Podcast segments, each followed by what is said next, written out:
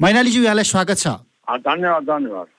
अलिकति यो छयालिस सालको राजनीतिक परिवर्तनको पृष्ठभूमिमा उभिएर अनि आजका मितिसम्म भएका राजनीतिक परिवर्तनहरूको समीक्षा गर्न खोजिराखेको समीक्षा गर्ने ठाउँ नै छैन सबैतिर असफल भयो भन्ने मात्रै देखिन्छ। यो निराशावादी भएर भन्दा पनि आशावादी भएर विश्लेषण गर्नु पर्यो भने केही देखिन्छ? ठिकै भन्नु हो वास्तवमा परिस्थिति त्यति आशाजनक चाहिँ छैन।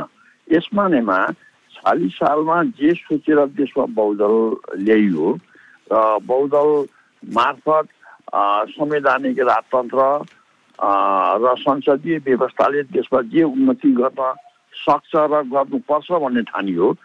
बिस्तारै माओवादी युद्ध सुरु हुँदा नहुँदा बाहन्न सालको हाराहारीमा आएपछि त्यो बिस्तारै संसदीय व्यवस्था विकृति आउन थाल्यो। अब माओवादी सहितको जनयुद्धले त्रिसठीमा पुग्दा नपुग्दा देशमा फेरि संविधानिक राजतन्त्रलाई फ्याँके फ्याँकेर देशमा गणतन्त्र आयो गणतन्त्र आएपछि एउटा नयाँ जोस नयाँ उमङ्ग र नयाँ योजनाका साथ देश रूपान्तरण हुन्छ आर्थिक रूपान्तरण हुन्छ भन्ने आशा र विश्वास नै अधिक अधिकतर मान्छेहरूको थियो र हुनुपर्ने पनि त्यही थियो तर त्यहाँदेखि यताका नेताहरूले पनि बहुदल आएपछि तिनै नेताहरू थिए तिनै पार्टीहरू थिए बहुदल आएपछि पनि खासै प्रगति भएन। गणतन्त्र आएपछि त त्यो प्रगति झन् नकारात्मक रूपले अगाडि बढ्यो। अब अहिले बढ्यो भने भ्रष्टाचार बढ्यो महँगी बढ्यो बेथिति बढ्यो अराजकता बढ्यो अनि राजनीतिक चाहिँ उग्रता यति धेरै भयो हर ठाउँमा रेडक्रसको चुनावमा पनि चाहिँ दलीय प्रतिस्पर्धा हुने जस्ता कुराहरूमा राजनीतिक चाहिँ विकृति गएर अब आर्थिक उन्नति भएन मान्छेमा एउटा निराशा छ। यो निराशालाई मान्छेले के ठान्नसम्म थाले भने यो नेताहरूको असफलता पार्टीको असफलता भन्दा पनि त सिस्टमकै असफलता हो कि भन्ने ठाउँमा पुग्ने मान्छेहरू समस्या बढ्न थाले। यो अवस्थाले गर्दा देशमा निराशा छ। अब आशा लाग्दो स्थिति भने के हो भने अब सबै पार्टीहरूमा केही न केही सानो रूपमा भए पनि भ्रष्टाचार विरोधी चिन्तन अलिक बढ्न थालिया छ अनि भ्रष्टाचार विरोधी चिन्तन बढ्न थालिया छ र नेताहरूप्रतिको आलोचनात्मक सोच पनि काङ्ग्रेसमा एमालेमा माओवादीमा के हदसम्म बढ्न थालिया छ तर जति बढ्नु पर्थ्यो त्यति ठाउँमा बढ्न सकेका छैन र त्यसले निर्णायक भूमिका नेताहरूको स्वच्छन्दतालाई नेताहरूको अराजकतालाई नेताहरूको स्वार्थीपनलाई कन्ट्रोल गर्ने त्यसलाई नियन्त्रण गर्ने र पार्टी वास्तवमा गणतन्त्रात्मक रूपले विकास गर्ने ठाउँमा पार्टी नेतृत्वलाई पुर्याउने ठाउँमा त्यो चिन्तन पुग्न सकेका छैन। आशा चाहिँ केही छ।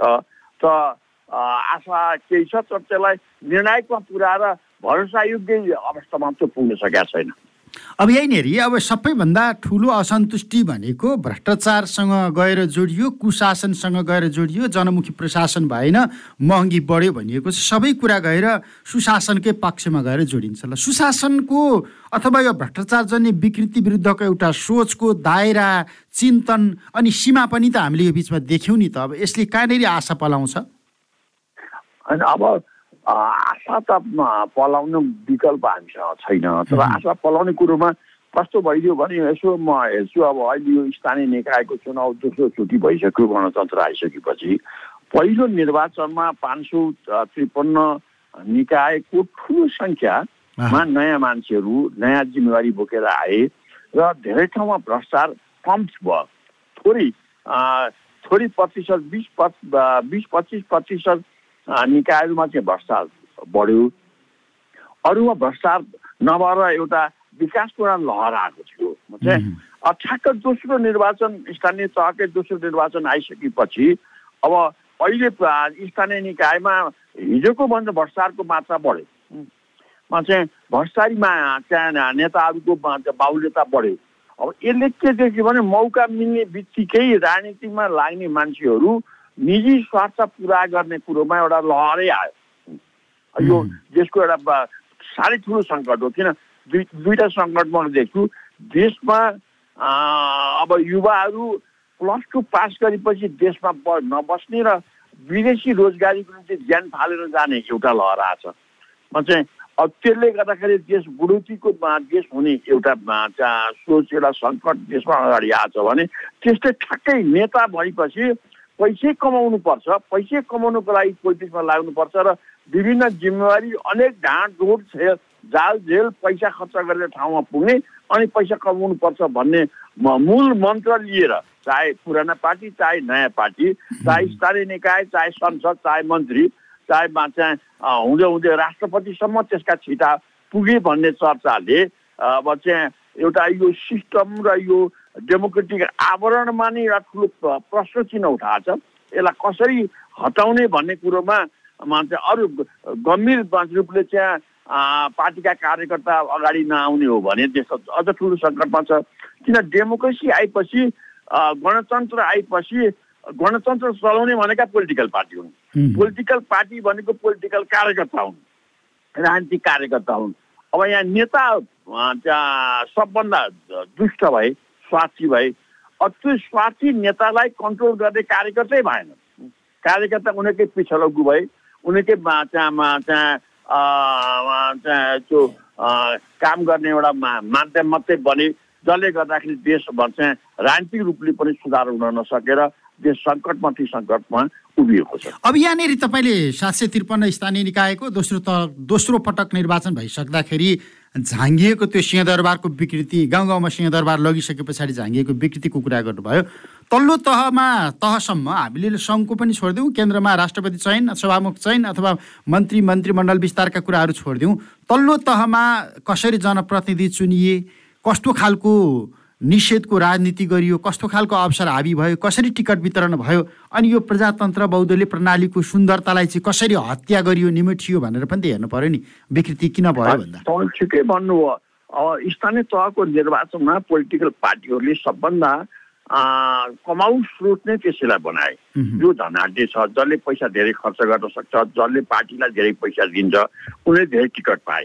एउटा त्यो पार्टीको कन्सेप्ट उम्मेदवार छान्ने कन्सेप्ट नै गलत भयो। एक अब अनि जो आए खर्च गरेर त्यहाँ गए उनीहरूको काम खर्च गरेर आएपछि त कमाउनु पर्यो। कमाउने मान्छे मन छाएका साथ त स्थानीय निकायमा का पदाधिकारीहरू हिजोभन्दा धेरै कमाउ भए। कमाउ भए।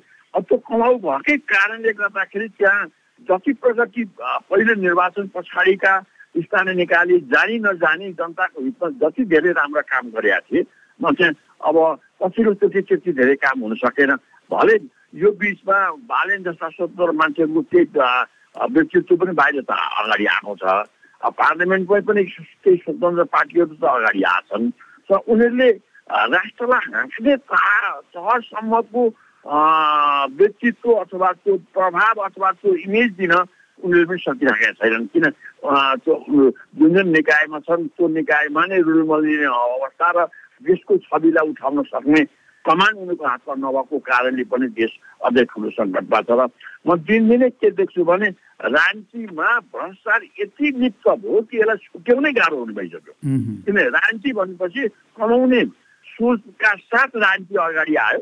चाहिँ कमाउने सोचका साथ राजनीति अगाडि आउने भने त भ्रष्टाचारलाई डुबाउने हो।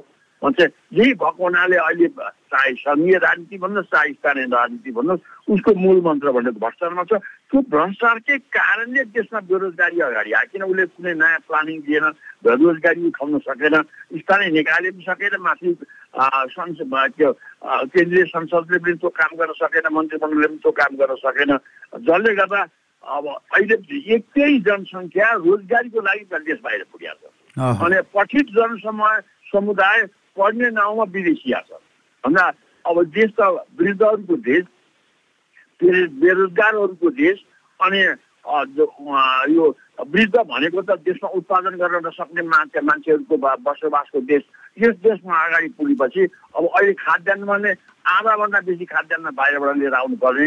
आयातमा चाहिँ अति धेरै निर्यात उत्पादनै नहुने र निर्यातै नहुने देशको अर्थतन्त्रको अवस्था आएको छ। जसले गर्दा आर्थिक सङ्कट राजनीतिक सङ्कटले त्यहाँ देशलाई गरिबीले जर्जर बनाएर अब सङ्कटै सङ्कटको क्षणमा अब युवा जोस अगाडि नआउने हो भने त साँच्चीकै राष्ट्रिय सङ्कट अगाडि आइसकेको छ। अब यो जस्तो युवाहरूलाई आउने अगाडि आउनको लागि खालको राजनीतिक तगारो बनिराखेका विशेष गरी सत्ता र शक्ति हाँक्ने त्यो तागत बनाएका दुईजना छन् नि अब प्रजातन्त्रको पर्याय भनिएका शक्तिको नेतृत्व गरिराखेका शेरबहादुर देउबा परिवर्तनको पर्याय भनिएका शक्तिको नेतृत्व गरिराखेका पुष्पकमल दाहाल प्रचण्ड।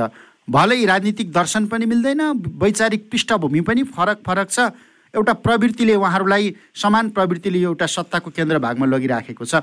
यी पात्र र यी प्रवृत्तिहरू राष्ट्रिय राजनीति बनाउँदासम्म तपाईँले भनिराखेको त्यो नयाँ शक्ति उदाउन सम्भावना छ? छैन जवाब दिने हो भने तपाईँले त्यति मात्रै होइन। अहिले देशका तिन चारवटा नेता र तिन चारवटा पार्टी जस्तो नेकपा एमाले नेपाली काङ्ग्रेस माओवादी समाजवादी लगायतका पार्टीका शीर्षस्थ नेताहरू यति धेरै गनाए कि उनीहरू सुध्रिएर देश हाँक्न सक्छन् भन्ने अनुमान विश्लेषण गर्ने मान्छेको सङ्ख्या कम हो।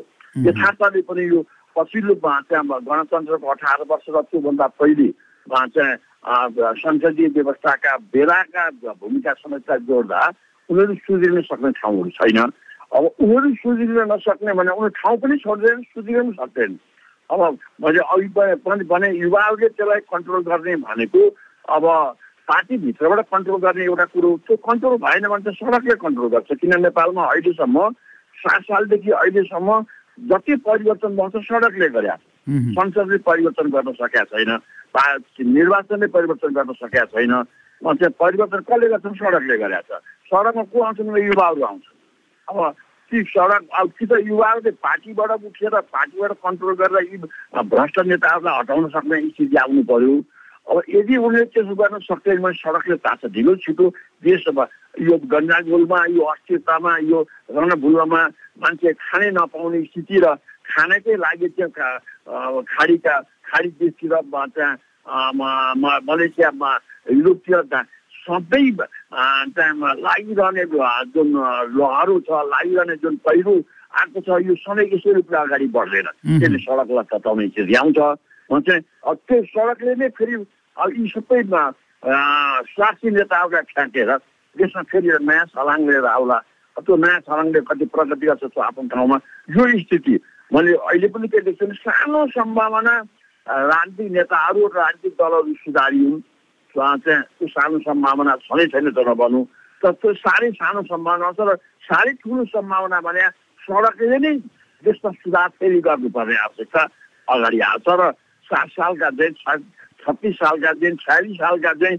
र त्रिसठी सालका झनै फेरि सडकले बाँच्छ न्याय निर्णय गर्नुपर्ने अवस्था अगाडि आउँदैछ। किन? अब अहिलेको चेतना भनेको सत्र साल होइन छयालिस साल होइन त्रिसठी साल होइन अब अस्सी सालको चेतना छ। चाहिँ नेताहरू त्रिसठी साल सम्झेर बसिरहेर अस्सी सालको कमान्ड उनले गर्न सक्ने स्थिति आएको छ। र मलाई लाग्छ यो अस्सी सालको चेतनाले सडकलाई तताउने र त्यसमा नयाँ रूपान्तरणको बाटो खोज्ने नयाँ विकल्पको बाटो खोज्ने सम्भावना बढ्दै अगाडि आएको यहाँनिर जस्तो अब धेरै नेताहरूको अनुहार हेर्ने हो भने सत्र साल अथवा छत्तिस साल छयालिस साल बैसठी त्रिसठी सालको परिवर्तनको त्यो सम्भागमा त्यो आधी हुरीमा परिवर्तनका लागि लडेका नेताहरूको अनुहार देखिन्छ। यिनीहरू को त्यो झरझराउँदो भरभराउँदो क्रान्तिकारी छवि प्रजातान्त्रिक छवि चाहिँ यति चाँडै किन स्खलित भयो? यिनीहरू स्वविवेकले बिग्रिए कि परविवेकले बिग्रिए? अब यिनीहरू वास्तवमा तपाईँले भने जस्तै नेताहरू दूरदर्शी भएन अहिलेसम्म हुँदै नभएका त होइन जस्तो नेपालको पोलिटिक्समा विश्वेश्वर प्रसाद कोइरालाको एउटा छवि बन्यो। मनमोहन अधिकारीको अर्को छवि बन्यो। केशव प्रसाद भट्टराईको एउटा छवि बन्यो। अब यस्ता छविका नेताहरू त लामो समय टिकेनन्। मदन भण्डारीकै एउटा छवि बन्यो। उनीमा चाहिँ त्यसलाई हामीले तहमा पुग्नै नपाइकन दुर्घटना परे। चाहिँ अब त्यहाँदेखि यताका जति नेताहरू आए सबै स्वार्थी आएर उनीहरूले सिद्धान्तलाई च्युत बनाएर आफ्नो स्वास्थ्यलाई दाजुर्यमान बनाएर अगाडि आए। त्यस कारण अब हिजोको पृष्ठभूमि सम्झेर हिजो कति क्रान्तिकारी थिए भनेर उनीहरूको हात सुनेर त भएन। अहिलेको उनीहरूको मुख र अहिलेको उनीहरूको अनुहारले के देख्यो भने भ्रष्टाचारभन्दा पछिल्लो त्यसलाई विकृतिमा लाने बाटोभन्दा पछिल्लोको त्यसलाई सही बाटोमा लाने उनीहरूको कुनै योजनै आएनन् विचारै आएनन्। अनि अब त्यो त्यो आएकोलाई त्यसलाई यो सङ्कट अगाडि आएको छ कारण हिजोको कुरोले हिजो कुनै बेला चाहिँ अहिलेका नेताहरू चाहे ओली सर्वप्रसाद ओलीको कुरो गर्नु चाहे प्रचण्डको कुरो गर्नु चाहे शेरबहादुरको कुरा गर्नु एकताका साँच्चीकै सुन्दर अनुहार लिएर उनीहरू अगाडि आएको अहिले साँच्चीकै कालो र विकृत अनुहार लिएर अगाडि आएछन् र त्यो हिजोको अनुहार सम्झेर अहिले उनीहरूले जति कमाइ खाए अब सधैँ यसै गरिरहेको भने देश अझ ठुलो सङ्कटमा जान्छ। त्यस कारण मलाई लाग्छ उनीहरूलाई माया गर्ने भन्दा पनि अब यसको विकल्प खोज्ने कुरोमा दुईवटा बाटो कि त पार्टीले विकल्प दिएर सुझे पार्टी सुझेर अगाडि आऊ। कि त सडकले तिमीहरूलाई हुत्याएर देशमा नयाँ विकल्प अगाडि आउँछ। त्यसको निम्ति आम जनमत तयार हो। त्योभन्दा अर्को विकल्प म देख्दिनँ आजको मितिमा नेपाली कङ्ग्रेस अब प्रजातन्त्रको पर्याय अथवा विकल्प रहेन। होइन अब व्यवहारिक हिसाबबाट है मैले सिद्धान्तको कुरा गरेन व्यवहारिक हिसाबबाट। अनि सिद्धान्तको रूपले त डेमोक्रेसीको विकल्प अहिले पनि छैन। यो परिवर्तन पछाडि पनि अब अटोक्रेसी नै देशमा जर्जर भएर सैनिक शासन अथवा राजाको शासन पनि अटोक्रेटिक रूपले चल्नुपर्ने विकल्प अहिले अहिले पनि होइन। चाहिँ नेताहरूको खराबीको बावजुद नेताहरू हटाएर देशमा डेमोक्रेसी त अपरिहार्य अहिले पनि हो। परिवर्तन पछाडि नै डेमोक्रेसी किन सात साल पछाडिको राणाहरू हटेपछि देशमा डेमोक्रेसीको लहर जुन अगाडि आएको छ। यो डेमोक्रेसीको पाटो अब कुल्चिएर अगाडि जान्छ जस्तो मलाई लाग्दैन। तर त्यसको साथसाथै आर्थिक सुधारको लहर नआएर भ्रष्टाचार र बेरोजगारी अन्त गर्ने भ्रष्टाचार अन्त गर्ने कुरोको लहर नगएको हुनाले अबको विद्रोहले चाहिँ देशमा स्वच्छ शासन चाहिँ भ्रष्टाचार नियन्त्रण गर्ने बाटो अनि देशमा रोजगारी दिने बाटो। यी यो बाटोमा गयो भने त्यो बाटोलाई अगालेर डेमोक्रेटिकली नै अगाडि जाने हो त्यो बाटो फेरि सैनिक शासनकै रूपमा चाहिँ अगाडि धेरै लामो समयसम्म जान सक्ने लामो समयसम्म देशमा सैनिक शासनले नै देशको उन्नति गर्न सक्ने त्यस्तो चिज त अहिले पनि छैन। किन? दुनियाँमा सैनिक शासन र नियन्त्रणमुखी शासनले देशको परिचालन गर्न सक्दैन। त्यसको लागि खुकुलो वातावरण जनताको आफ्नो बौद्धिक क्षमतालाई प्रयोग गर्ने डेमोक्रेटिक एक्सप्रेस चाहिन्छ यो मलाई लाग्छ अहिले जुन उकुस आएको छ यो उकुस पछाडिको जुन परिवर्तन पनि नन डेमोक्रेटिक होला जस्तो मलाई लाग्दैन। डेमोक्रेटिकै वेबाट अगाडि जानुपर्छ यो हरेक एउटा व्यवस्थामा पर्यायवाची एउटा शक्ति हुन्छ नि जस्तो राणाकालीन व्यवस्थामा निरङ्कुशतावादी भनियो पञ्चायतकालमा निरङ्कुश निर्दलीय राजा भनियो छयालिस साल पछाडि संवैधानिक राजा भनियो अथवा संवैधानिक व्यवस्था भनियो सशस्त्र युद्धमा ए माओवादी आतङ्ककारी भनियो अहिलेको यो गणतन्त्र सङ्घीयता धर्मनिरपेक्ष सहितको यो प्रणालीको चाहिँ पर्यायवाची शक्ति चाहिँ कुन हो त हाम्रो अहिले यति बेला? कि कोही पनि छैनन्? अहिलेसम्म रोकिएको अवस्था केही हुन्छ पञ्चायतको बेलामा निर्दलीय पञ्चायती शासन थियो राजाको शासन थियो त्यसको विकल्प सजिलो थियो। त्यसमा बहुदलीय संसदीय व्यवस्था भनियो छिटै परिवर्तन भयो। किन छालिसामा त्यति लामो आन्दोलन पिकको आन्दोलन त्यो एकदम टुप्पोमा पुलको आन्दोलन लामो समय जानु परेन किन सजिलो विकल्प थियो। राजालाई पनि विकल्प थियो जनतालाई पनि विकल्प थियो। अब त्यसभन्दा पछाडि पनि नेताहरूले राम्रो काम गर्न नसकेपछि फेरि अर्को विकल्प आयो पछि अब संवैधानिक राजतन्त्र होइन गणतन्त्रको विकल्प भने छिटो विकल्पमा परिणत भयो र त्रिसठीमा भन्दा छिटो देशमा गणतन्त्र आयो। अब गणतन्त्र आएपछि गणतन्त्र अनुकूलका नेताहरू बन्नै सकेनन्। चाहिँ अब अहिलेको जुन अवस्था भने यहाँले भने जस्तै सजिलो विकल्प अगाडि छैन। त्यो सजिलो विकल्प अगाडि नभएको हुनाले नै यति धेरै पञ्चायतभन्दा पनि धेरै विकृत बहुदलीय व्यवस्थापन पनि धेरै विकृत भएर अहिले गणतन्त्रकालीनमा चाहिँ शासन व्यवस्था त्यो पहिलेका भन्दा सबभन्दा चलन सुनिको विकृतिमा पुगेर पनि परिवर्तन सडक तातिराखेका छैन। त्यसको एउटै कारण के भने विकल्प सजिलो छैन। बरु कम्प्लिकेटेड विकल्प छ। अब विकल्पका धेरैले धेरै कुरो गर्छन्। कसैले राजतन्त्रको विकल्पको कुरो गर्छन्। अब राजतन्त्रकै विकल्पको कुरो पनि हिजोकै राजतन्त्र सम्झिएर केही राजतन्त्र जस्तो राजतन्त्र चाहियो भन्ने मान्छे त देशमा साह्रै कम छ त छैनन्। अलिअलि त होला किन? अब मान्छे अटोक्रेसीतिर फर्केर जान तयार छैनन्। अब मुनार्की पनि म डेमोक्रेटिकली आउँछु भनेर खुलेर आएको पनि त्यो देखिया छैन। अब अर्कातिर सङ्कल्पै आउँछ अब सैन्सै सैनिकै शासन आउँछ। गणतन्त्र चाहिँ हुन्छ सैनिक शासन आउँछ भन्ने तर्क पनि त्यसभित्र विकल्पको तर्क निकाल्न थालेका छन्। यो पनि लामो क्रम त होइन। तर सर्ट टर्ममा हेर्ने हो भने यो देशको अराजकतालाई कन्ट्रोल गर्न एउटा शक्तिशाली शासन चाहिँ देशमा चाहिएको छ। किन? यो देशमा राजनीतिको नाममा डेमोक्रेसीको नाममा जुन अराजकता आयो जुन भ्रष्टाचार आयो जुन बेरोजगारी आयो जुन देशपतिको माया नगर्ने र विदेशपति हाम फालेर जानु पर्ने किन देशमा केही भएन भन्ने देशको निराशा। अनि विदेशमा गएपछि के हुन्छ भन्ने आशाले विदेश पलायन भएर देशलाई अझ कङ्गाल हुने। पार्टीका नीति पनि त्यही अनि योजना पनि त्यही भएर देश झन् कङ्गाल हुने स्थिति आएको छ यस्तो बेलामा अलिक सशक्तै शासनको जरुरत छ? तर त्यसो भन्नुको मतलब डेमोक्रेसीको विकल्प अब अटोक्रेसी नै हो भन्ने ठाउँमा पुगेको छैन। त्यही यी विभिन्न विकल्पको बारेमा मानिसका बिचमा विश्लेषकको बिचमा नागरिकको बिचमा अनि हाम्रा मित्र राष्ट्रहरूको बिचमा चाहिँ छलफल पक्कै पनि भइराखेको छ। भन्ने विश्लेषण गर्ने मान्छेहरूको सङ्ख्या बढ्न थालेको छ। अब यो जस्तो अराजकताले थिचिएको महँगीले थिचिएको गरिबीले थिचिएको र धनी र गरिब बिचको खाडल बढ्दै जाँदा त्यो गरिबीको खाडलमा पसिराखेको त्यो सर्वहारा गरिब अनि निमुखाको लागि राजनीति गर्ने शक्ति रहेन त्यसो भए माओवादी? त्यो त। यिनीहरू पदच्युत जस्तो नेकपा एमाले बिस्तारै बाहुदल लागेपछि आउँदै आउँदै आएर अहिलेको नेतृत्वमा आइपुगिसकेपछि उसले हिजोको बाटो सबै बिर्स्यो।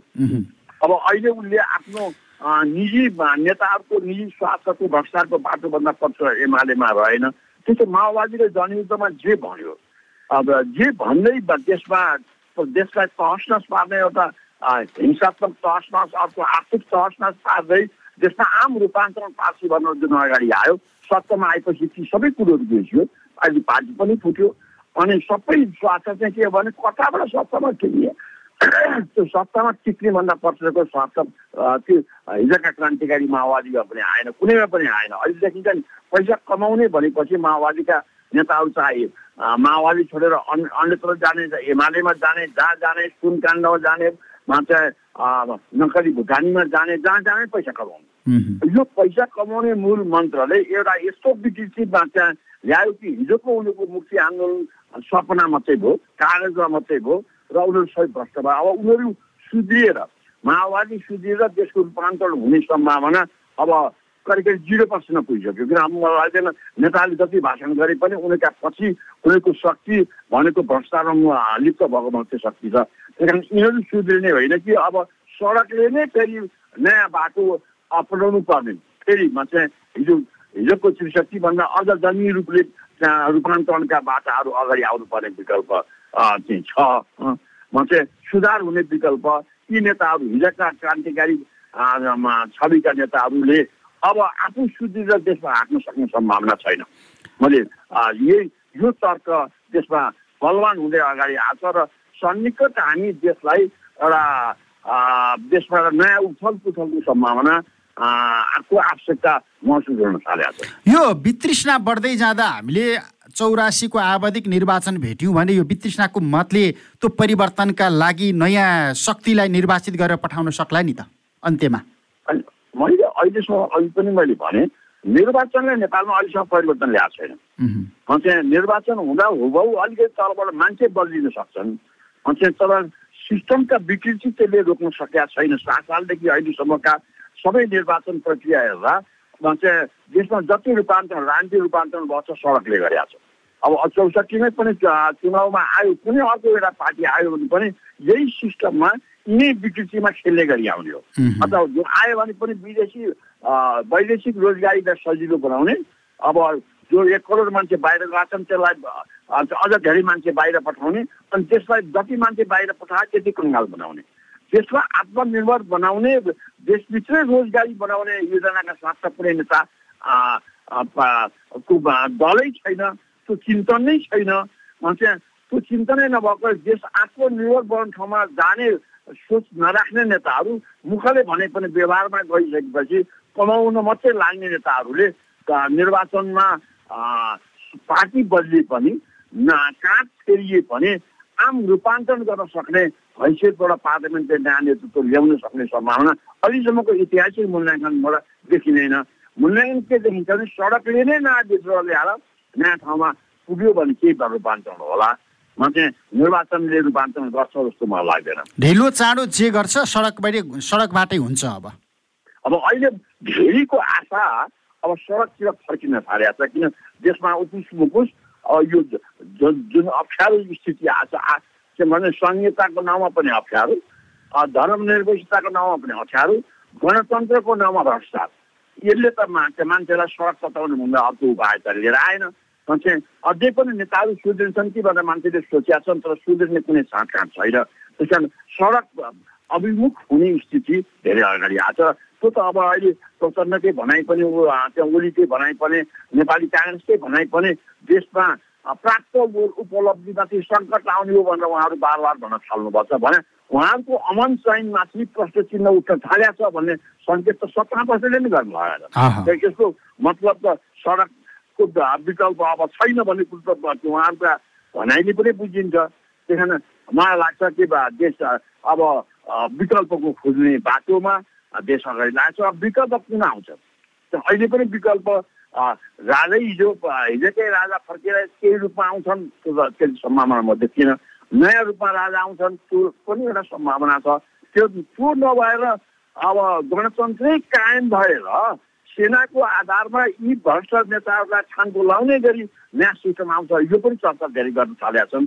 अब यो पनि सडकले नै निर्धारण गर्ने विषय हो भने त्यो सडक, दियो भने सायद सेनाले देश बचाउनु पर्ने बाध्यता पनि छ भन्ने कुरो मान्छेहरूले गर्न थालेका छन् सोच्न थालेका छन्। त्यसैले मलाई लाग्छ विकल्पको खोजी बरु तीव्र रूपमा अगाडि हुन थालेका छ र नेताहरू सचेत भएनन् भने उनीहरू छिटै नै उनीहरूको राजपाट भन्छ सङ्कटमा जाने र सडक तातै र नयाँ नेतृत्वको देशमा स्थापित हुने सम्भावना बलवान हुँदै अगाडि आएको त्यो श्रीलङ्काको जस्तो अराजक दृश्य नेताहरूलाई सडकमा सर्वसाधारणले घेरा हालेर कुटेको दृश्य चाहिँ देख्नु नपरे हुन्थ्यो है। होइन अब हिंसात्मक गतिविधि नभएकी हुन्थ्यो भन्ने त चाहना हो। अब विद्रोही हुन लाग्यो भने के हुन्छ र के हुँदैन? अब कति सुमधुर हुन्छ कि कति हुन्छ। विप्लवमुखी हुन्छ। त्यो त भोलिका दिनले बताउला। कामना गरौँ परिवर्तन शान्त र सुदृढ र बलवान बनोस् वा चाहिँ हिंसालाई धेरै अङ्गीकार नगर्ने बनोस् भन्ने चाहना सबै मान्छेको त छ। तर आक्रोशै आउनु थालेपछि के हुन्छ भन्न सकिँदैन। हुन्छ समय र संवादका लागि धन्यवाद। धन्यवाद मेरो आडबाट केही राख्ने मौका दिनुभयो त्यसको लागि धन्यवाद।